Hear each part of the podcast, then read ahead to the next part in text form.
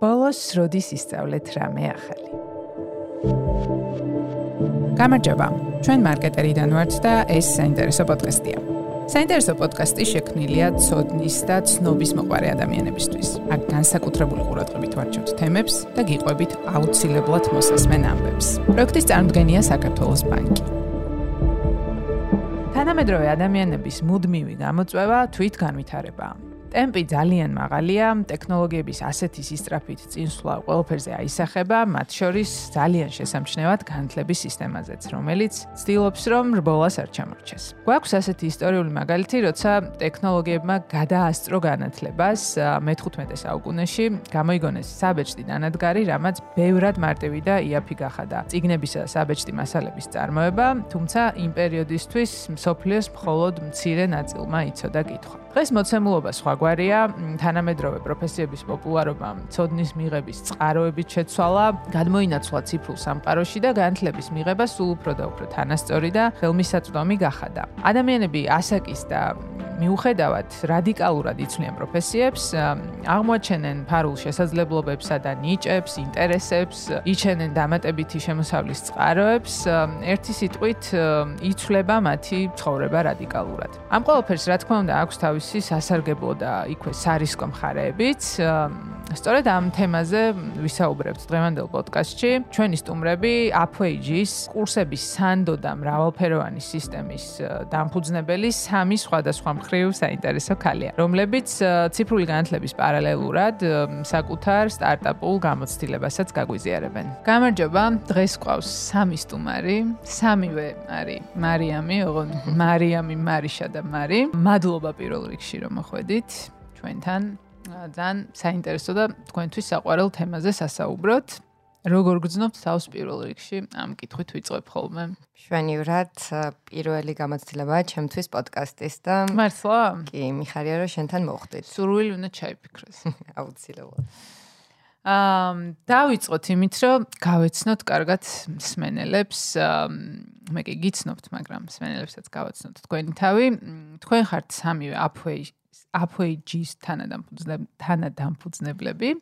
აა მაგრამ პარალელურად ვიცი რომ ყოველას გაქვთ თქვენ თქვენი პროფესია, თქვენ თქვენი გამოცდილებები და მოუყვეთ ორი სიტყვით სამივეზე და მე რე გითხარით როგორ გაერთიანდით ამ სტარტაპის ირგვლივ. რომლები დაიწყებთ ხოლმე ერთმანეთში შეგიძლიათ მოილაპარაკოთ რადგან ბევრი ძალიან დიდი მადლობა მოწვევისთვის ძალიან საინტერესო აქტიური მსმენელი ვარ და ძალიან მიხარია. პირველად ვარ რესპონდენტის როლში და ნახოთ რა გამოვა. შეგი შენ სურვილი უნდა ჩაიფიქრო. კი, ესე იგი, მე ვარ აი სამი მარიამიდან მარი. აა მეც როგორც გოგოები მარკეტინგის მიმართულებით ვარ დავიწყე ჩემი კარიერა. დღეს ვარ Space International-ის კომუნიკაციების ლიდი და საერთაშორისო ბაზარზე მომიწია მუშაობა და ძალიან მიხარია ეგ ამბავი და ასევე ცოტა ხანია ჩავერთე learning and development-ში, გაგიკვირდებათ და საქმიანადაც არა მხოლოდ სტარტაპის კუთხით. ძალიან კარგი. აა მე ვარ მარიამი, აა Upways გარდა ამჟამად მუშაობ Wellstar-ში, სადაც ვარ ბრენდის ხელმძღვანელი. და ყველა როგორც ყველანი მეც ისევ ვცდილობ რომ სამსახურთან ერთად შევთავსო სტარტაპერობა და ცოტა ხანში მიხვდებით რამდენად რთულია ჩვენი საუბრიდან ამ ორი შეთავსება. აა მე წვი არ მეპარება. გამარჯობა, მე მარიშა ვარ, მე ვარ აპოესთან დაფუძნებელი და ამჟამად ვარ ჩემი career break-ის ეტაპზე. აა გავაგრძელებ გონი იმას, საიდან გავიცანით ერთმანეთ რახან კითხოს მეორე ნაწილი ეგიყო და ჩვენ ერთმანეთი გავიცანით TBC-ის მარკეტინგის გუნდში სამივე. მე სხვადასხვა მიმართულებაში ვიყავით, მაგრამ რაღაც გაგვაერთიანა საბოლოო ჯამში ერთ-ერთის იდეამ და შემდეგ რაღაცა იმ мотивაციამ რა გვინდოდა რაღაც საკუთარი საქმე გქონოდა და ასევე რაღაც პატარა წვლილი შეგვატანა ქვეყნის ცოტა მეტად განვითარებაში. აი ამ იდეას ეძებდით თუ ანუ გინდოდათ რომ სტარტაპი გქონოდათ და იდეა იპოვეთ თუ ჯერ რომელი იყო მოკლედ ჯერ ქათამი იყო და მე კვერცხი თუ ჯერ იდეა იყო და მე სტარტაპი. ხო, ანუ იდეების კორიანტელი გქონდა. ანუ იდეა ფიქსი იყო, რომ სტარტაპი მექონა. მოკლედ, რაღაც მომენტში სტარტაპინა მოვხოდოთ გოგო. კი, აი ზუსტად ეგრე რაღაცის რო არის, რამე ხوار გაგვეკეთებინა, აი მართლა ეგრე რაღაც მომენტში. საშაურმე ხوار გაგვეხსნა. ხო, აი ეგა ზუსტად ეგრე იყო. რაღაც მომენტში მივხვდით, რომ მხოლოდ სამსახური ძალიან მოსაწყენი იყო და რაღაცა არა მარკეტინგული თვალსაზრისით მართლა და არა იმიტომ რომ რაღაც თვით პოზიციონირება გავემყაროთ, მართლა სამივე ძალიან ინტერესიანი ადამიანები ვართ და სულ რაღაც ერთმანეთსაც ძალიან ვეხმარებით განვითარებაში ყოველთვის, რომ დავმეგობრდით ამის მერეც და მანამდეც და ფიქრობდით რომ რამე გაგვეკეთებინა საინტერესო, საინტერესოც მნიშვნელოვანი კიბორდი იყო. და თავიდან მართლა სისულელე ბიზნესით დავიწყეთ, უნდა ვთქვა. ძალიან კაია, მოვყევით რა იყო. რაც იყო სამივე ძალიან გვიყვარდა ალბათ ბავშვობაში საკანცელერიო ნიუტები და დავიწყეთ რაღაც ძალიან ე, ძვირად ღირებული საკანცელერიო ნიუტების, ანუ ბლოკნოტების თუ ნოუთბუქების გამოწერა, რომელიც დამთავრდა კრახით, იმიტომ რომ ნახევარი გავაჩუქეთ და ნახევარი ჩვენ თვითონ ვეხმარეთ და მე მივხვდით რომ აი არაფერი არ გამოვიდოდა და ეგ რომელი წელი იყო? გონი 18 19. 19 19 ხო ხო და მე რაღაც მომენტში აი ვზივართ და ვფიქრობთ რა ვაკეთოთ და აა უცებ სამე ვლაპარაკობდით იმაზე რომ რაღაცების სწავლა გვინდა, კაი ბიზნესი არ გამოგვივიდა, რამე ხო არ გვესწავლა ვფიქრობთ და მივხვდით რომ რაღაც შუა ლაპარაკში რომ ყველა რაღაცას ვეძებთ, მე ესპანურს სწავლობდი და მარიამ მანამდე ესპანეთში ცხოვრობდა რაღაცას მეუბნება სადღაც იარე. ერთ უნივერსიტეტში ხო, ვსწავლობდი. ზუსტად, მაგარია.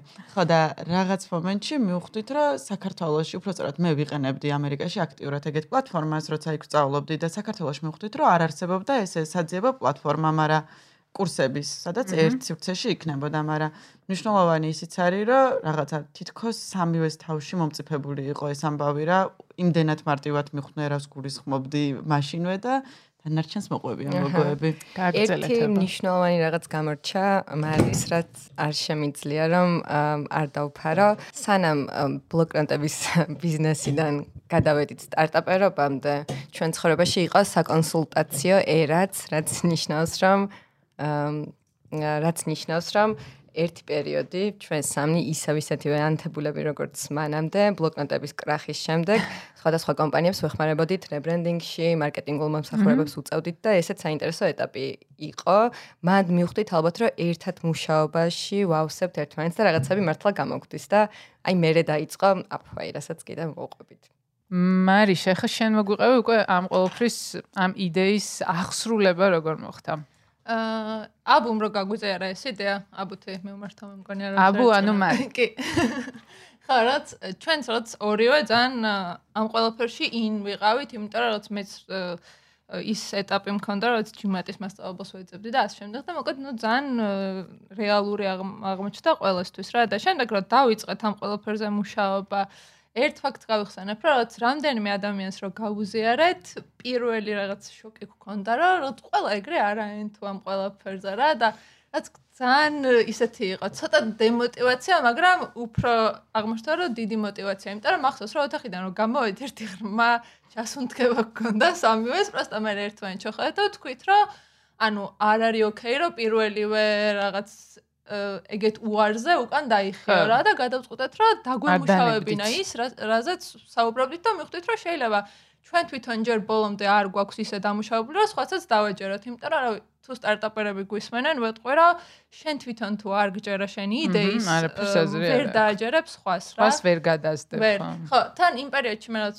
მუშაობდი სტარტაპერებთან აქტიურად და არსებობდა ჩვენ კომპანიაში სადაც მუშაობდით, სტარტაპ დეკრეტი, ეგეთი პროექტი, რომელიც ადამიანებს აძლევს საშუალებას, რომ 6 თვიანი შვებულება რა დეკრეტი აიღონ, ანაზღაურებოდი და აკეთონ საკუთარი საქმე და მახსოვს, რომ აი ამ პროექტსაც ძალიან დიდი ხანი ვუტრიალეთ რა, ხან იქიდან, ხან აქედან იმის გამბედაობაც არ გვეყო, რომ მალე გამოგვეყენებინა და რაღაც პირველი რაღაც საკონკურსო გასვლა იყო ჩვენც, იმიტომ რომ ამის მე ძალიან ბევრი მსგავსი გავიარეთ და რაც ყველა სტარტაპმა ალბათ ეგ ეტაპი უნდა გაიაროს, იმიტომ რომ მარტო შეინძალებით ამას ვერ აკეთებ და სუკჭირდება რომ ვიღაცამ უკუკავშირი ეგრეთ წოდებული ფიდბექი მოგცეს, რომ რაღაც წინ წახვიდე ერთი ნაბიჯით გამვითარდიან რაღაც პროდუქტი დახვათ. დაუშვა, რაც ზოგჯერ ძალიან მნიშვნელოვანი ნაწილი არის ხოლმე სწავლების მხრივ, რომ მე წარმატება მოვიდეს. იცი რა, გუნდსაც ძალიან ეხმარება რა, იმიტომ რომ შეუძლებელია რა ყველას ერთ და იგივე როლი კონდეს გუნდში, ანუ საბოლოო ჯამში ეგეთი პროექტები გაძლევს საშუალებას, რომ როლი გაინაწილოთ და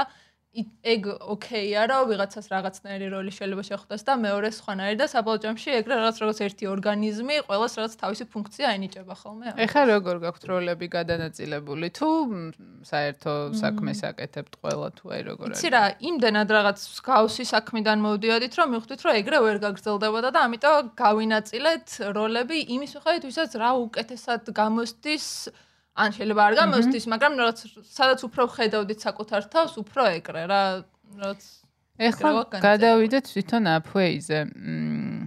აი თქვენთვის რა არის აფვეი რაღაც ის შაბლონი ფორმულირება კი არ თქვა, აი აფვეი რა არის? რა რაში შეიძლება რომ თანამედროვე ადამიანს დღეს გამოადგეს აფვეიჯი? თუ აფოიჯი არ უწოდოდა აფოი დაუცახ როგორ გიქ აი როგორც კიდე აფოიჯი გვაწყობს იმიტომ რომ უფრო მარტივად შევლენ მე რომ მოსმენენ პოდკასტ ამ აფოი არის მართლა არაფიჩურად რო თქვა და რაღაც ხვანაირად რო თქვა ადგილი სადაც ადამიანები მართლა აღმოაჩენენ ისეთ რაღაცებს რადგან არ უფიქრიათ შეიძლება რომ ესწავლათ რა. თუ ნაფიქრი გაქვს და გინდა რომ ისწავლო არ ვიცი JavaScript-ი დაგუგლავ ახლობელს კითხავ რაღაცას იზავ და იპოვე. შეიძლება best choice-ი ვერ ნახო იმიტომ რომ არ არის აფოის გარდა დღეს პლატფორმა სადაც ხო ეგ არის მნიშვნელოვანი. ეს იდეა თქვენ რომ მოგივიდათ ის ფაქტი, რომ ანალოგი არ არსებობდა ქართულ ბაზარზე, მგონია რომ ძალიან დიდი мотиваტორი უნდა იყოს, იმიტომ რომ იცი რომ რაღაც უნიკალურს აკეთებ, ხო? თან мотиваტორი, თან დემოტივატორი, იმიტომ რომ ბევრი გვეუბნებოდა ხოლმე, რომ იმიტომ არ არსებობს, რომ ესე იგი არ არის საჭირო. და საჭირო რომ იყოს. ხო, ეგ ეგ ნაწილიც აქვს. მართლა უცხოური ინვესტორების დაარწმუნება გვიჭირდა ხოლმე, ხშირად რა, ბოლოს ახლა ეს 150.000-იან გრანტზეც რომ მივალთ მოუყვებით მანდ, რომ იმდენად ანუ გაკურვებული იყვნენ რომ ეგეთი რაღაც არ არის რეგიონში და აი მიფიცებოდით არ არის ეგეთი რაღაცა რეგიონში. ძალიან უცნაურია რა ხო და აფოი არა მხოლოდ საუკეთესო არჩევანის გაკეთებაში გეხმარება დღეს გეხმარება იმაში რომ რაღაცა ისეთიც აღმოაჩინო რაც არ გიფიქრია რომ ისწავლე ხო? ინსპირაცია მოგცეს რომ ეს ხوار ვისწავლო. მაგალითად მე ძალიან მომეწონა ჰობის.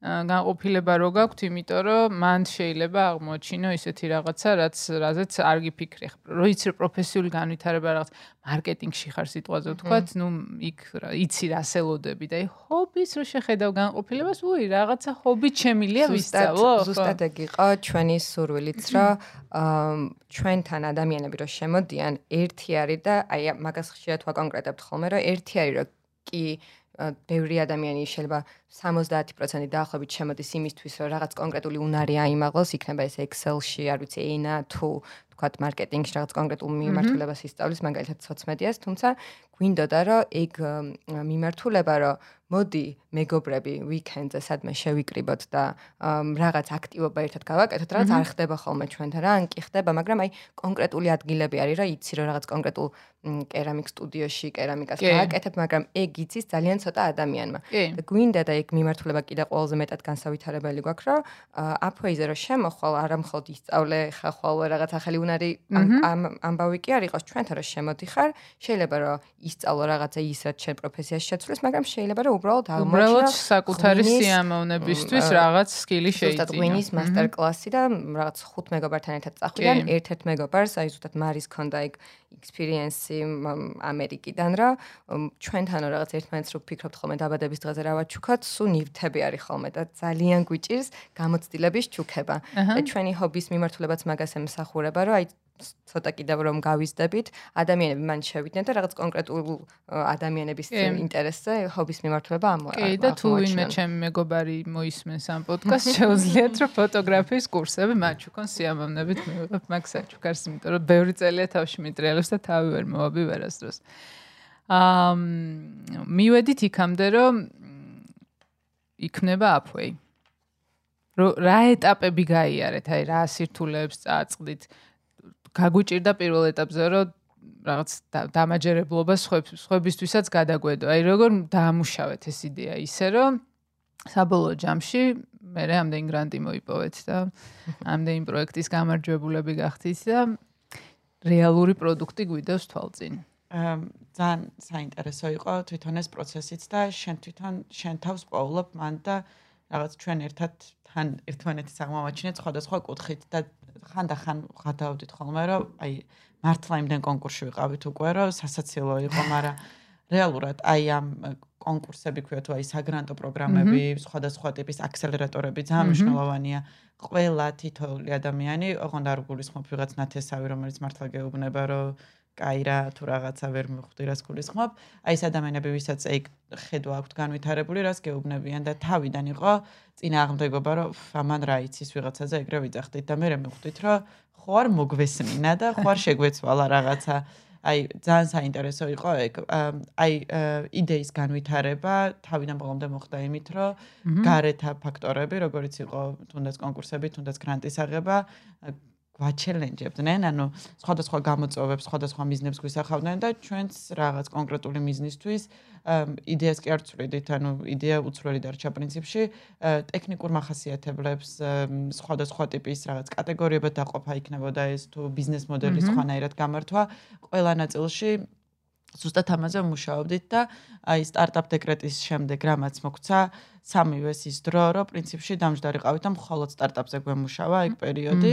ამ 6 თვე ხო? 6 თვე კი. ანუ 6 თვე სრულიად საკმარისი გამოდგა იმისთვის, რომ შეგექმნათ ეს პლატფორმა. კი, გაშობა არის ყველაზე რთული ნაწილი და რაც მოახერხეთ რა პრინციპში ამ დროში. ხო, ну შემდეგ იყო ეს რაღაცა ჯიტას გრანტი პირველი პროტოტიპის და მე რაღაც საერთაშორისო აქსელერატორებიც რამე კვლევა ჩატარეთ ისე სანამ ახსრულების ნაწილზე გადახვიდოდით? აა კი და აი ახსრულების ნაწილში მოვყვები კიდე ერთ ფაქტორს რომელიც ძალიან გვყვარს ხოლმე რა ვახსენოთ არის ქართული სტარტაპ ეკოსისტემა რა რომელიც გონია რა რაღაც ყველასთვის ძალიან კარგი დახმარებაა იმიტომ რომ ჩვენ პირველი გამოცდილება ეგეთი ქონდა რომ ვისთვისაც არ უნდა მიგვამართა ყველა რაღაც კარგ რჩევას გვაძლევდა ანუ გამოცდილ სტარტაპერებს გულისხმობ და დღესაც გქონია რომ ჩვენთანაც ვინმე რომ მოვიდეს ყოველთვის ვცდილობთ რომ რაც დახმარების ხელი გავუწოდოთ და ძალიან ეხმარებიან ეს ადამიანები ამ კომიუნიტიში გაერთიანებული ადამიანები ერთმანეთს. აა კითხვა რა იყო გამხსენა? კლევაზე ხო კლევაზე კი რამე გიმყარებდათ თუ არა თქვენ წმენას რომ ეს პროდუქტი მართლა ჭირდება ხალხს. იცი რა გარი კი კლევა თუ ჩაატარეთ თუნდაც ახლობლებში კი კი ანუ პირველი წესი რაც არის რომ სტარტაპს ანამ დაიწყებ კვლევა უნდა ჩაატარო ჩვენ დავიწყოთ მე ჩავატარეთ. მოტივაღიაროთ მაგრამ საბოლოო ჯამში კი რა თქმა უნდა იმიტომ რომ ძალიან ბევრი უკავშირი მოდის ეგეთ დროს რა აი რეალურად და ძალიან ბევრი ინსაიტები შეიძლება ამოკრიფო მაქედან ზუსტად აი მაგ დროს დავინახეთ ერთ-ერთ სეგმენტს ვიტყვე ეს დედების სეგმენტს ვეძახით ხოლმე რა ვისაც შვილები ყავთ და რეალურად არ აქვთ ბევრი დრო რომ გაიკვლიონ ასე ვთქვათ რეალურად დღეს რომ მოგინდეს ქვეყანაში შეიძლება ვერ გაიგო ხატვის წრეს სამშაბათს არის 5 შაბათს 5 საათზე თუ 6 საათზე რა და რეალურად აფოიზე რა შეხვალ შეგიძლია ეგ ფილტრაცია გამოიყენო მარტივად მოძებნო და ნახო ანუ აფოიზე თავმოყრილი არის. მე რაც მინახავს აფოიზე მხოლოდ არიან პროვაიდერები, რაღაც დაწესებულებები, ვინც არიან კურსების მომწოდებლები, ხო? აი, კერძო კურსები, კერძო მომწოდებელი, აი თქვათ ნატალია ასწავლის ფრანგულს, ესეთი რამე არ გაქვთ ხო ჯერ? ეგეთი ექსპერიენსი დავიწყეთ.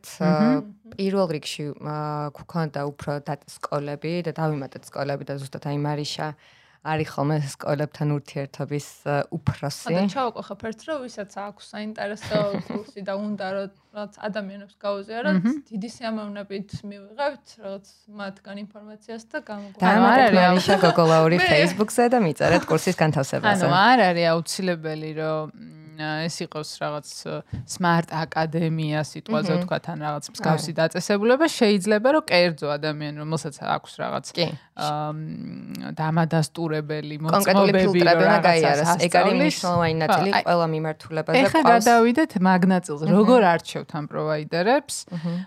რა ფილტრები გაქვთ რა კრიტერიუმები გაქვთ მოგვიყევით რომ აი ხართ თუ არა ის პლატფორმა, რომელიც ამბობს, რომ ჩვენთან მხოლოდ ხარისხიანი ვართ და განათლების მომწოდებლები არიან გაერთიანებული. თავიდან ბევრი ვიფიქრეთ, ეგ როგორ უნდა გაგვეკეთებინა, იმიტომ რომ შეიძლება მარკეტინგი ვიცით და რაღაც ბიზნესი, მაგრამ ბევრი სფერო, რაშიც ჩვენც არ ვიყავით გამოცდილები და მანდვე მგონი ზუსტად ერთ-ერთ აქსელერატორში მოგვივიდა ეგ იდეა, რომ მოდი ავარჩიოთ ამ კონკრეტულ მიმართულებაში კარგი ხალხი, გამოცდილი ხალხი, რომლებმაც იციან ეს სფერო და შევკრათ თითოეულ მიმართულებაზე რამდენიმე ადამიანი, რომელსაც ვკითხავთ ხოლმე, რომ ეს არის კონკრეტული სკოლა თუ კონკრეტული ადამიანი, როგორ გავაკეთოთ მისი გამოკითხვა. ამის ამ ხალხის დახმარებით გავაკეთეთ რაღაც ჩარჩოები, რასაც უნდა აკმაყოფილებდეს ადამიანი იქნება თუ სკოლა ძირთადად მაინც უფრო სკოლები გვაქვს ჯერჯერობით, თუმცა ეხლა ნელ-ნელა ვიწყებთ ადამიანების დამატებას მის, იმიტომ რომ თვითონ გამოთქვეს სურვილი.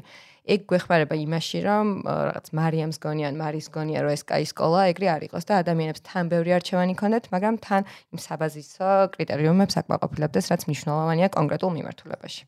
მიმართულებები როგორ შეარჩიეთ? აი ენები, ჰობი, ბიზნესი, ეს ეს კატეგორიები როგორ არჩიეთ? ანუ რამე აა ზე დაფუძნებით, რომ ეს არის ახლა მოთხოვნადი თუ თქვენი სუბიექტური ხედვით, რომ ეს იქნებოდა კარგი და აღქმებით.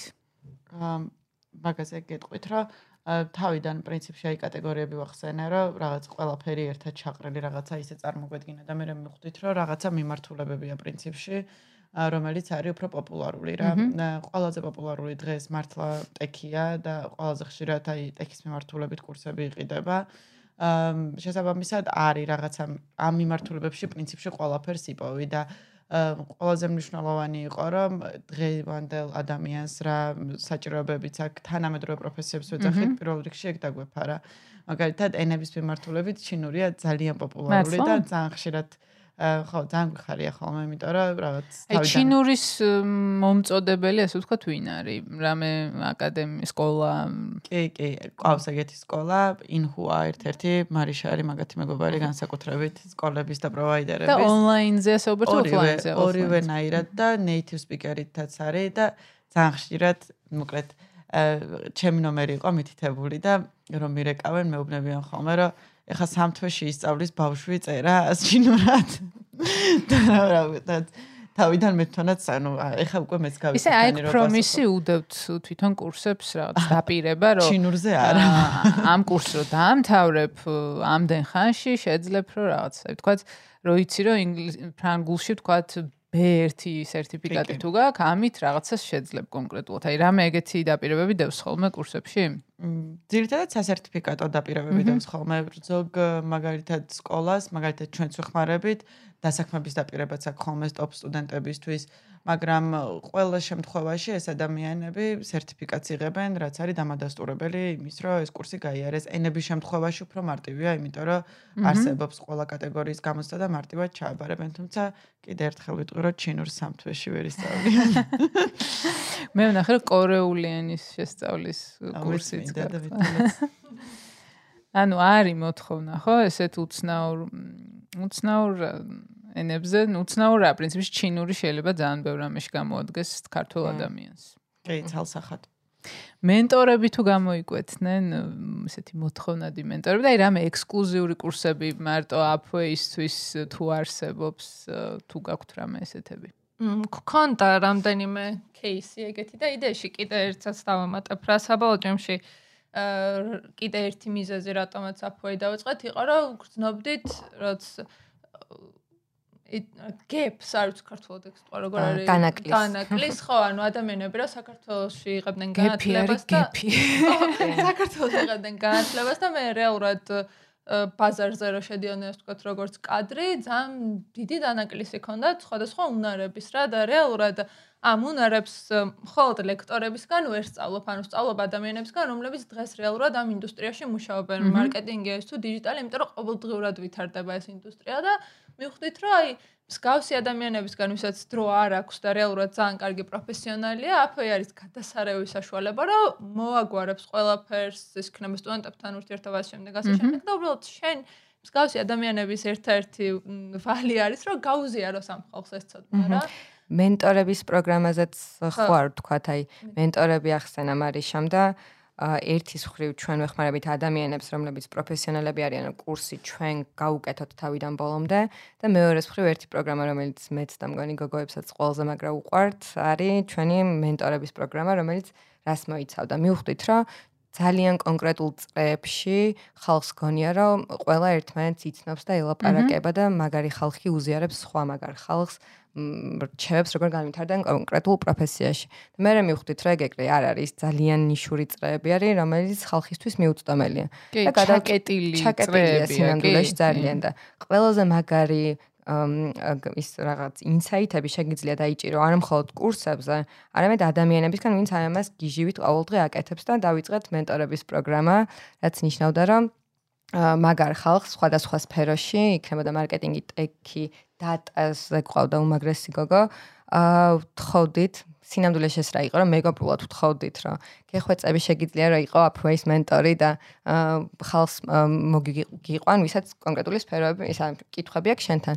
და იყო ხოლმე ეგრე რომ მაგალითად პოპიკა ყავდა კრეატიული მიმართულებით. ყავდათ ფიზიკურ სივრცეში შეკრებილი? იყო ეგეთი რაღაც, რომ ვებზე შეგეძლო შემოსულიყავი ჩვენთან, იქ იყო მოგწერილი სწავლა გინდა და შეგეძლო რომ დაგეწერა რომ რაღაც ხო ყავდა ჩამოთვლილი მენტორები რაღაც სხვადასხვა მიმართულებით, რომ მე მინდა რომ არ ვიცი მარიამ ლელაშულთან, რომელიც არის უმაგრესი პროფესიონალი დატას მიმართულებით, მინდა კონსულტაცია იმისთვის, რომ გავიგო როგორ უნდა გავხდე ამ სფეროს პროფესიონალი. და ეგეთ ადამიანებს ვაგროვებდით ხოლმე და ვაკეთებდით ხოლმე საერთო ონლაინ შეხვედრას. ეს ის დრო იყო, პანდემია იყო, არა, მაგ დროს და ეს შეხვედრები ძირითადად ონლაინ იყო ხოლმე. 2020-ში დაიწყო პანდემია. კი, მაგალითად არქიტექტორები ყავდნენ და ხალხი უბრალოდ წერდა, რომ მინდა ამასთან შეხვედრა და ეგეთი ადამიანები უზიარებდნენ. მგონია, რომ მაგაზე მაგარი გამოცდილება არ გქონია, როცა დავაკავშირეთ ხალხი უბრალოდ მეგობრულ რჩევაზე, იმიტომ რომ ეგეთ ძალიან რთულია რა იშავა. კი. კი, პანდემია ახსენა მარიამა და ეგ გამახსენდა რომ თავიდან ბოლომდე პანდემიამდე ეს ონლაინ რაღაცა ფიზიკურ შეხვედრებზე ხო ქალაქის ერთი ბოლოდან მეორე ბოლოში ფიზიკურად დავდიოდით და ანუ ცოტა ის არის უკვე დაანგათელი თემა პანდემიამდე პანდემიის მერე ამბავი მაგრამ ჩვენ რაღაც მომენტში პანდემიამდე 2019 იყო მოგვივიდა ეს იდეა და ვფიქრობდით რომ პანდემია რო დაიწყო რომ ის რა შეჭirdება ეხა სწავლა და ბევრმა გვითხრა რომ აი ახლა მოკლედ არა ფიზიკური სივრცეს ონლაინ აი Udemy-ა წმაო და კურსერა და რა დროს ქართულად ონლაინ სწავლა და პირიქით ანუ აფეთქდა. სწორი დრო იყო ანუ ეგეთი სწორი დრო ხო მაგრამ ეს პანდემიამდე იყო და არც კი ვიფიქრია ანუ აა პანდემიამდე ამბობ პანდემიამდე მოვიდა ხო ეს იდეა და აი ეს ანალოგიც რაზეც ვსაუბრობდით ა ფიზიკურ სივრცე ისიც გადალაგდა ვუყურებდით ჩვენ.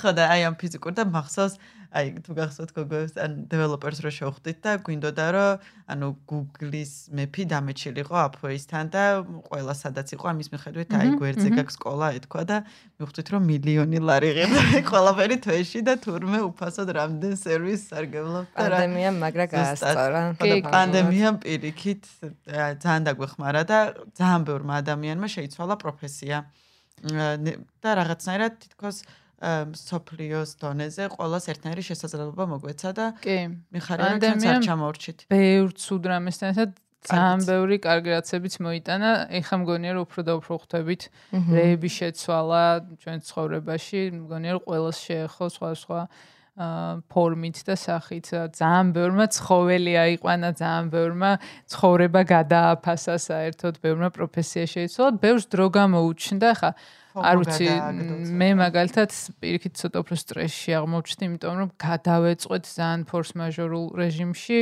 ოფლაინიდან ონლაინზე რისი გამოცდილებაც ესე დიდად არ გქონდა და ყველა იყო რაღაცა დაძაბული და შეშინებული რომ აბა როგორ ვაკონტროლოთ სიტუაცია და ცოტა სტრესი იყო და ვერ ვიტყვი რომ დრო გამომითავისუფლდა პირიქით იმიტომ რომ ზუმმა ქნა ის რომ წაშალა საერთოდ საზღვარი სამუშაო საათებში და არასდროს არ მთავრდება. ვინ როდის იწებდა სამსახურს და ამთავრებდა, ეს საერთოდ გაქრადა. ამიტომ ჩემ შემთხვევაში ეგრე არ იყო, თუმცა ადგილებით რო არ იყო შეხვედრაზე შეზღუდული და 30 კაცი რო იყო.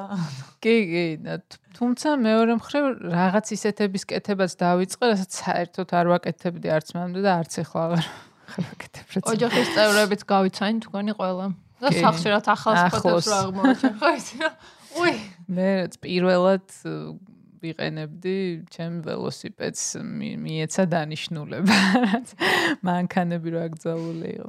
პური გამოვა ცხერც ბევრი ისეთი რამე ვქენი რასაც არ ვაკეთებდი მანამდე და ალბათ აი ეს ისეთი ადამიანები, ვისაც დრო გამოუთავისუფლდა სამსახურის სპეციფიკიდან გამომდინარე, მათთვის რაღაც ახლის სწავლისთვის საუკეთესო დრო იყო და წარმოიდგინე ასეთ არ გეჩქარება. სტარტაპისთვისაც იდეალური დრო იყო ჩვენთვის. ხო, თქვენთვისაც კარგად დაიმცხოთ, მაგრამ დისტანციურად გიწევდათ ალბათ, ხო?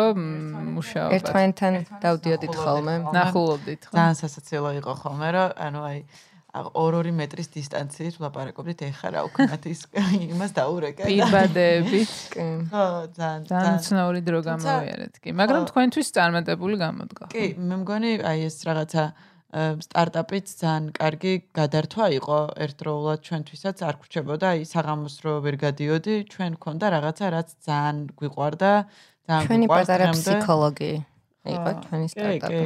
ანუ მართლა აი ამ რაღაცა ენერგიას, რასაც ხალხი არ ვიცი, დარც უთმობდა და ნუ მიხოთ, ანუ იმას არ გულისხმობ, მართლა ძალიან შეეხო, მაგრამ აი ეს ზოგადად ხო დეპრესია რაღაც სახში როგორ დავჯექით, ცოტა ეგ იყო და ჩვენ რაღაც კარგად გამოვიყენეთ. გარდაქმენით სასარგებლო ენერგია. ხო და ძალიან გაგვიხარდა, რომ ხალხმაც გადაწყვიტა, რომ ახალი რაღაცები ესწავლა. ონლაინ განათლებას რადგან შევეხეთ ისიც ვთქვათ სვენელისთვის რომ თქვენ გაქვთ ონლაინიც ოფლაინიც თქვენს პლატფორმაზე არის ორივე კურსი ორივე სახის კურსი მაგრამ ონლაინზე ვკონცენტრირდეთ დღეს ну ამ ისეთ ერაში ვცხოვრობთ და ისეთი ტემპით ვითარდება ტექნოლოგიები რომ განათლების სისტემაც განსაკუთრებით ეს არაფორმალური მხარე განათლების სისტემის რაღაცნაირად კვალდაკვალ უნდა მიყვებოდეს ხო ამ ტექნოლოგიებს. თქვენ თქვენი პროდუქტიც ამის ერთ-ერთი გამოხატულება არის.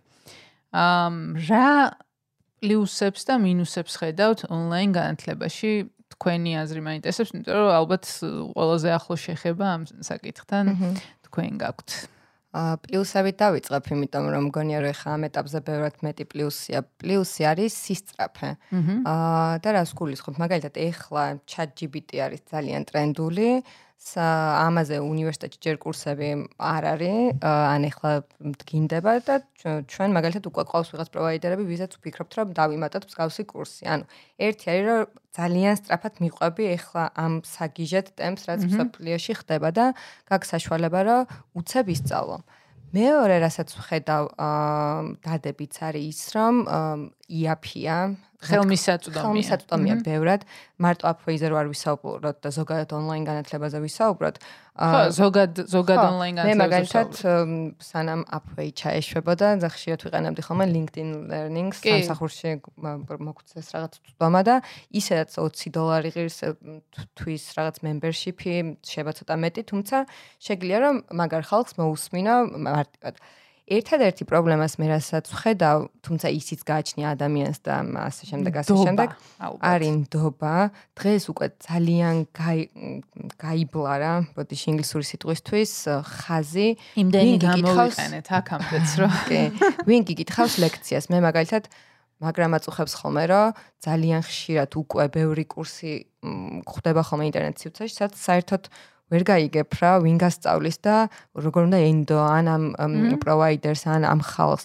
ანუ დობა არის სიღრმე არის იმიტომ რომ ეხა მე რომ რაღაც კურსი ონლაინ გავიარე იქ ცოტა რაღაც რომ ჭამდი სახში თან ხო ხდები ან ის არის ძალიან ტრიკი არის იმიტომ რომ ის იმ სიღრმეს მაინც ვერ გაძლევს რასაც თქვა შეიძლება ცოტა უნივერსიტეტმა მოგცეს ან რაღაცა რა ისეთმა ერთწლიანმა კურსმა ან ასე შემდეგ სადაც უფრო ის არის აი ეგ პრობლემა მაქვს, რომ დღეს ძალიან ბევრი ადამიანი დაგროვდა ძალიან ბევრი სერტიფიკატით, თუმცა უკვე ჭირს გარჩევა ამ სერტიფიკატის უკან ის უნარები არის თუ არა. ის ხარისხიანი. და ეგ მე მგონია რომ ზუსტად ჩემი აზრით ეგ არის ყველაზე დიდი მინუსი, რაც რეალურია რასაც ხო, ამ თანამედროვე პროფესიებში ხარ რაც ძალიან მოთხოვნადი არის, copywriting-ი, UI UX დიზაინერები, გრაფიკული დიზაინერები, ხო? ეს ხალხი ძირთად არის ხალხი, ვისაც აქვს ზოგს არაფორმალური განათლებაც არ აქვს საერთოდ მიღებული და თვითნასწავლი არის და საერთოდ სერტიფიკატი არ აქვს, მაგრამ თუ აქვს ნიჭი და რაღაც ალღორო ამ პროფესიას დაეუფლოს, საერთოდ გაქრა იმის ცნება თითქოს, რომ შენ რაღაც საბუთი უნდა გეჭიროს ხელში, მაგრამ ეს კარგი ნაწილია ჩემი აზრით, იმიტომ რომ ყოველას მიეცა საშუალება საკუთარი თავი გამოავლინოს. აა შეიძლება სრულიად უფასოდაც კი, ხო? მაგრამ აი რაც შეხება თვითონ ამ წოდნის მომწოდებელს, როგორ უნდა ვენდო, ვინ არის ეს მენტორი? თქვენ აი მაგნაწილში როგორ არეგულირებთ მაგას? რომ აი თქვათ უსერტიფიკატო ძალიან მაგარი კოპირაიტერი რომ მოვიდეს, შეიძლება რომ მენტორად კერდა კურსის მომწოდებლად დარეგისტრირდეს აპოიზე? ძალიან მნიშვნელოვანი საკითხი შევეხეთ და მგონია რომ ძალიან მნიშვნელოვანია ეგ ამბავი აუცილებლად ვთხოვთ გამოცდილებას და სტუდენტები თუ ყოლია მანამდე ამ სტუდენტების შეფასებას. პროფესიული ანუ ჰარდსკილის კუთხით შეიძლება რომ გამოართვა სერტიფიკატი მაგრამ ვერაფრით ვერ გამოართვა სერტიფიკატს იმით თუ ანუ ვიცი როგორი გადმოცემის უნარი აქვს მაგალითად და ასევე აფოიზი ამის პერკეტი არის შეფასებები და ეს მომხმარებლის გამოცდილება და თან მე მგონი რომ აი ამ რაღაცა სივრცე მისის წაშალა რომ ვინმე თუ ცუც ფიქრობ შენზე არ დაგიმალავს ცალსახად პირიქით. შეგაფასებს. ხო და ეგ სამშობლოვანია რივიუს ფუნქციას გულის ხო გაკეთებთ კი კი და ონლაინ გამოცდილების ერთ მინუსზე რაც მახსენდება ძალიან მნიშვნელოვანი. აი კარგი მენტორი თუ არის და ფიზიკურად თუ არ გაქვს ამ ადამიანთან შეხება ძალიან მნიშვნელოვანი დანაკლისია ჩემი აზრით, იმიტომ რომ ძალიან ხშირად კონკრეტული ცოდნა კი არ გადადის აი ამ ფიზიკური სწავლებით, გადადის ძალიან მნიშვნელოვანი мотиваცია, აი ეს ნეტვორკი, ის კავშირები, რასაც ამ ადამიანებთან იჩენ, როგორც კურსელების თუ ანუ შენი ჯგუფელების კონკრეტულად ამ კურსის სახით, ასევე თვითონ აი ამ მენტორთან საუბრის დროს შესაბამისად გქონია, რომ აი ონლაინ არ არის პერსონალიზირებული, თუ ეს ერთი სიტყვით რო თქვა, ეს онлайн სწავლება და სხვათა შორის აფოიზეც რო დაუბრუნდა და რაღაც უსაფუძვლო რო არ იყო იყოს ეს აზრი ძალიან ხშირად გთხოვენ რომ ფიზიკური კურსი გვინდა და ბოლომდე მაინც მგონია რომ აი ამ რაღაც ურთიერთობას ვერ ანაცვლებს ონლაინი. თუმცა აი ჰიბრიდული კურსები ჩემ ხედავ ხო ყველაზე კარგი ეგ არის რომ ის რაც შეიძლება რომ ონლაინ სწავლებით მოიცვა, მოიცვა ონლაინ სწავლებით და ის ნაწილი რისი დანაკლისიც აქვთ ხოლმე ადამიანებს და რიგ შემთხვევებში საფუძვლიანად, მეც ესე მიმაჩნია, რომ რაღაც დოზით ფიზიკური ინტერაქციები მაინც სხვანაირ ურთიერთობებს წარმოშობს და სხვა გარემოს აზრების გაცვლისთვის და ცოდნის მიღებისთვის. ეხლა რა ის სამი წელი გავიდა ხო, რაც აფოი არსებობს? ოფიციალურად რაც ჩაშვებულია და ჩაშვებიდან წელიწად ნახევარი გავიდა. აა, ორი წელიც არ გასულა? კი.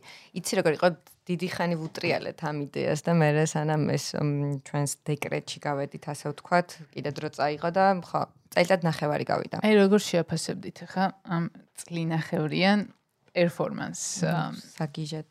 ღირდა ეს თქვენი რწმენა რაც გქონდათ, უფრო გამყარდა გჭირდებათ რომ უფრო გაამყაროთ, მართლები იყავით, რომ ეს ყველაფერი გააკეთეთ, ბედნიერები ხართ, კმაყოფილები ხართ, კიდე ჩელენჯები დაინახეთ და ისინი უნდა დაფაროთ. აი, რა ვიწყებ ამაზე, იმიტომ რომ ძალიან ბევრი მიფიქრია და გოგოებიც ბევრს ფიქრობენ. ერთი რაც მინდა ვთქვა, ჩვენ მაინც ვსაუბრობთ სტარტაპერებზე, რომლებიც უმეტესი პერიოდი თან სხვა main სამსახურიც გვაქვს, ხო? აა კი. აი მართლა პირველი სიტყვა რაც მომივიდა არის საგიჟეთ, იმიტომ რომ საგიჟეთში ვართ ის რაღაც ჩვებულების 6 თვე რომ მორჩა და დაუბრუნდით სამსახურებში და თან მუშაობთ, თან ამას ვაკეთებთ. პროსტა არავის არ მინდა რომ იგონოს რომ მარტივი გზა არის. თან ერთის მხრივ ამ წელიწად ნახევარში უკვე რაც ოფიციალურად გავუშვით რა მოხდა, რომ ერთის მხრივ ხარ რაღაც 4 აქსელერატორში ერთად, სადაც გინდა რომ მოიგო და ყველა ყოველი დღე ხან ძალიან მაგარია ვიღაცა გეტყვის რომ ვაუ რა მაგარი იდეა არის და ეს სუპერ მენტორი არის და ჯერა ხან მეორე იგივენაირად უმაგრესი ადამიანი გეტყვის რომ მე ღმერთ რაზე კარგავთ დროს. და ეს ემოცია ერთი ჩემთვის ყველაზე დიდი რაც მასწავლა და რაცაც შევაფასებდი არის ემოციების კონტროლი. პირველ ჯერზე შენიშნავს რომ გვეუბნებოდნენ ერთმანეთს ხოცავდით ხოლმე რომ არა ის ნუ ის იყო რომ არა ეგ რატო გითხა ან იმას ვეჩხუბებოდით ძალიან ხშირად იყო რომ იმას მაგრა ვეჩხუბებ ვინც გვეუბნებოდა როგორ გვეუბნები. აი მართლა იყო ეგ. და ეს ემოციების კონტროლი რომ შეგეძლოს რომ ეს აზრი მიიღო გაფილტრო მე შენც რაც გაწყობს რაც არა იმას ნერვები არ მოაშლევინა და გააგრძელო აი ეს მართლა საგიჟეთია თან როცა კიდე full time სამსახური გაქვს. და აა ყველაზე მეტად რასაც აი მე მაგალითად გულწრფელად მგონია ხოლმე რომ ამ სტარტაპმა ჩემი თავი მაპოვნინა იმიტომ რომ მივხვდი რომ მაგალითად არა მხოლოდ მარკეტერი ვარ, არამედ ბევრი მაგარი რაღაცის კეთება შეგვიძლია და ის საერთ ზუსტად ერთი წლის წინ ვიყავით საერთაშორისო აქსელერატორში UNDP-ის დაორგანიზებული იყო ჩვენგან იყო რამდენიმე გუნდი, ისე იყო თურქეთი და ბევრი სხვა ქვეყანა და მანდ მივხვდით, რომ აი მართლა ყველა აქსელერატორში ცალკე მაგისტრატურა გავიარეთ. ანუ მაგაზე მაგარი შანსი, რომ შენ რაც გიყვარს ისაკეთო და პლუს მართლა 4 მაგისტრატურა გაიარო და ამდენი დანარცხება ნახო, მე მგონია, რომ კარიერულ იმ რაღაცა corporate მიმართულებაში, მაგას ვერასდროს ვერ მივიღებდი და ბევრად უფრო ისეთი ემოციურად პიროვნულადაც უფრო მართლა ჩ- არ ჩემთვის მიყვარს ექსტუარი იზრდები და მ, შენი ემოციური სისტემა წესით უნდა გამყარდეს მე რომ და ისწავლო უფრო მეტად ემოციების და ისწავლო კონტროლი რაღაც უფულოდ მუშაობა. აი მართლა სტუდენტებს ვეუბნები ხოლმე, რომ ეს რაღაცა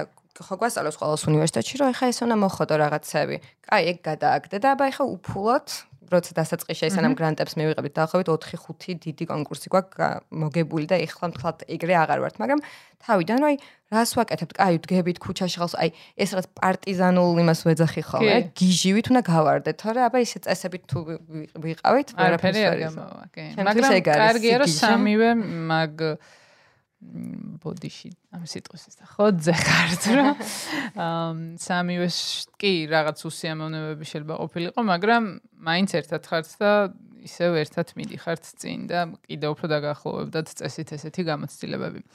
როგორი არის გეგმები აფოისი? როგორ უყურებთ მომავალს? მ იდეაში ბევრნაირი კი ეხა მოკეთ მარიამის ლაპარაკებს დავამატებ ესე რა მიდი მიდი. ეგ რამე არ, რამეზე გული არ დაგწყდეს მე. აა ხო ეს ხოდიც მგონია რა რაც როგორ არის რაც თასივით არის ხან ერთს უჭირავს ხან მეორეს ხან მესამეს და რაც ერთმანეთს უზიარებთ რა და რავი ვინმე თუ ხო ეხა აპირებს რაღაც სტარტაპის ა, დაწყებას ისედაც რომ ის ადამიანები ხდებიან მისი რაღაც 24/7-ზე თანამგზავრები რაც მართლა ძალიან რთულია იმიტომ რომ მართლა ოჯახის წევრს ვერ ეგუები მაგდოზით ჩემ ცხოვრებაში და მოკლედ რა ძალიან დიდი ჩელენჯია ან საბოლოო ჯამში შეგზიზღდება, რა. ან შეგიყვართ. ხო, და შეიძლება რაც- შეგიყვარდეს. კი და თავი რაღაც ერთი ღირებულება გვაქვს, რაც ერთად აკეთებთ საქმეს რა. საბოლოო ჯამში სა- საქმეა ხოლმე ისეთი, ხო იცი, გადამრჩენელი ამ ყველაფრის რა. ხო, რაც შეეხება განვითარებას ვიტყოდა მე გოგოებიც გააგრძელებენ, ანუ რეალურად მარიამაც ახსენა რომ ყველა სხვა ჩვენი დამატებითი სამსახურიც გვაქვს და ეხლა მაინც სუის მომენტია რომ აი კიდე მეტი გვინდა რომ აფოეს ჩავდოთ. ნუ ყოველ შემთხვევაში ეს ძალიან ჩემი პირადი აზრია რომ არასდროს არ მგონია საკმარისი ის რასაც ვაკეთებთ, ანუ კიდე მეტი და მეტი შეგვიძლია. თან ისეთი რა. პლატფორმა, რომელსაც ალბათ განვითარებას ვერ ამოწურავს ვერასდროს. ეხლა რეალურად ჩემ ვთქვათ რაღაც პროვაიდერების ხარეს რო ვთქვათ რეალურად არის ერთი ჩელენჯი რომ უნდა გავაფართოვოთ ეს ყველაფერი, იმიტომ რომ ჰობიშიც ბევრად მეტი მიმართულება მოიძებნება რეალურად და სხვაგანაც და რაღაც გონია რომ ამ მიმართულებით ეხლა არის ეტაპი როცა უნდა გავიზარდოთ და თუნდაც ექსკლუზიური კურსების მიმართულებითაც შემოვიდეთ ბაზარზე, იმიტომ რომ ბევრი ეგეთი დავტესტეთ და საბოლოო ჯამში კარგად გამოგვდის ეგ ნაწილი. და მგონია რომ რაღაც ეგ არის ახლა ერთი დიდი ჩელენჯი, იმიტომ რომ რთულია ამ ადამიანების მოძებნა რა, რაღაც ამოწურვადი ბაზარია საბოლოო ჯამში მაინც და ახლა გვიწევს რომ ჩვენით რაღაცეები მოვიფიქროთ. ნუ მეორე ვიტყოდი რომ რეგიონების მოცვა არის კიდე ერთი მიზანი, რომელიც მგონია რომ გვაქვს და ძალიან ბევრი კარგი პროვაიდერია ასევე რაც რეგიონებში ასე ვთქვათ და მგონია რომ ისინიც გველდებიან და ჩვენც ველდებთ და სულ რაღაც კომუნიკაციაში ვართ ერთმანეთთან, რომ აი ეხლა შეგვიძლია რომ დავიწყოთ ეგ ნაწილი. თუმცა თქვენ სამნი ხართ თუ კიდე არიან ვიღაცები ამ პროექტის უკან. მ, გუნდში სამნი აღარ ვართ და სამივე პრინციპში ანუ აა დამფუძნებელი დეველოპერები რო თქვენ არ ხართ ეგ მაგრამ დეველოპერებთან ლაპარაკი ვისწავლეთ და ეგ თალკე ყავთ რაც კი კი კი. ამ ეხლა გუნდში ვართ. რამდენი? 7-ნი ვართ უკვე მე მგონი თუ მეტნი? 7-ნი ხო ამ სოციალური მედიის ნაწილი გვაქვს ანუ კონტენტის ნაწილზე გვეხმარებიან. ასევე ციფრულ growth-ის ნაწილში ასე რომ თქვა ციფრულ მარკეტინგს რასაც ვეძახით ბუღალტერი ყავს და აღარ ჯარიმდებით. ანუ იგი იყო პირველი გაკვეთილი, იმიტომ რომ ბუღალტერი რაღაცა- აუთსორსზე. კი, იმიტომ რომ ანუ საშემოსავლოზე და RS-ზე მეორედ რო შევედით, ჯარიმები და ხო და პირველად რო შევედით, დავარეგისტრირეთ. და ხო, ძალიან ცნაური რა. ხო, ეს როლები ხო განაწილებული გვაქვს და ნუ მეთქი კაი რაღაცა ამ ფინანსების ნაწილში ვითომ მგონია რომ აი ვითომ. ცოდნა მაქვს. ანუ ნასწავლი ხო გაქვს და ხო იცი, მაგრამ ხო და ფინანსები ვიცი რა და რეალურად ანუ შეიძლება ესე გესმოდეს და ისოდე, მაგრამ ნუ რაღაც ნდებლობის ცოდნა და, ქარავს არ კი. კანონთან დამორჩილება დიდი ალბათობით და მაგათ ნუ რაღაც ვერ ერკვევ, იმიტომ რომ ნუ ძალიან ჩახლართულია რა და ნუ ერთხელ შევედი, ნუ არ არის არაფერი რა და თან ანუ მაინც ისეთი არა პასუხისგებლობა გაქვს რა, თან ანუ გუნდთან, სტარტაპთან და მეგობრებთან, ანუ იქ კიდე ის არის რომ ზღვარი არა აქვთ ნებისმიერ რაღაცას გეტყვიან და ცოტა ისეთია რა და ერთხელ შევდივარ და ხვდება ჯარიმა. ჯერ სიტყვა ჯარიმაზე ანუ ისე შემცრა რომ მეთქი ვახრა ხდება სანამ ნახავდი. ვისი ჯარიმა? რა რაოდენობა იყო, იმიტომ რომ ნუ ხეთ რა საშემოსავლო ჯარიმა წარმომედგინა რომ всё, ეხლა რაღაცა დავიშალეთ. უდიდეს ჯარიმაზე იყო საუბარი და სანამ ეგ ვარკვეთ და რა თქმა უნდა ეგ იყო ერთ-ერთი ფეილი რომელიც გქონდა და ნუ გვერდში ძალიან მაგრამ დამტკბენ გამოასწორეს. ჩემი გოგრა, ხო აი ესე ძალიან ის იყო. გაგიკვირდებით. ხო. ამ გუნჩი ამასობაში დავიმატეთ ადამიანები იმისთვის, რომ აფოის განვითარებისთვის მაქსიმალურად ბევრი დრო დავთმოთ ჩვენ და ყოველდღიურ რაღაცებში ძალიან ძალიან კაი სუგოგოები. სხვათა შორის გეხმარებიან და ძალიან უყვარს ძალიან კი ზუსტად და რა თქმა უნდა მარტო აღარ ვართ ამ ამბავში და იმედია რომ რაღაც მომავალი მიზნების მიღწევაში ძალიან დაგვეხმარებიან. ძალიან ბევრ ბევრ წარმატებას გისურვებთ თქვენს აფოისაც და თქვენს პირადად upways ალბათ მაგიტო დაარქვით ხო რომ რაღაც ზემოთ. ზევით სულზევით ზევით და თვით განვითარებისკენ გზას არ გადაუხვიოთ მოკლედ და ძალიან დიდი მადლობა სტუმრობისთვის. ძალიან დიდი მადლობა. ძალიან კარგი მოსასმენი იყო ამდენი ქალის ნალაპარაკები კარგი რაღაცეები. აბა დროებით. მადლობა. თქვენ უსმენთ საინტერესო პოდკასტს. პროექტის წარმოდგენია საქართველოს ბანკი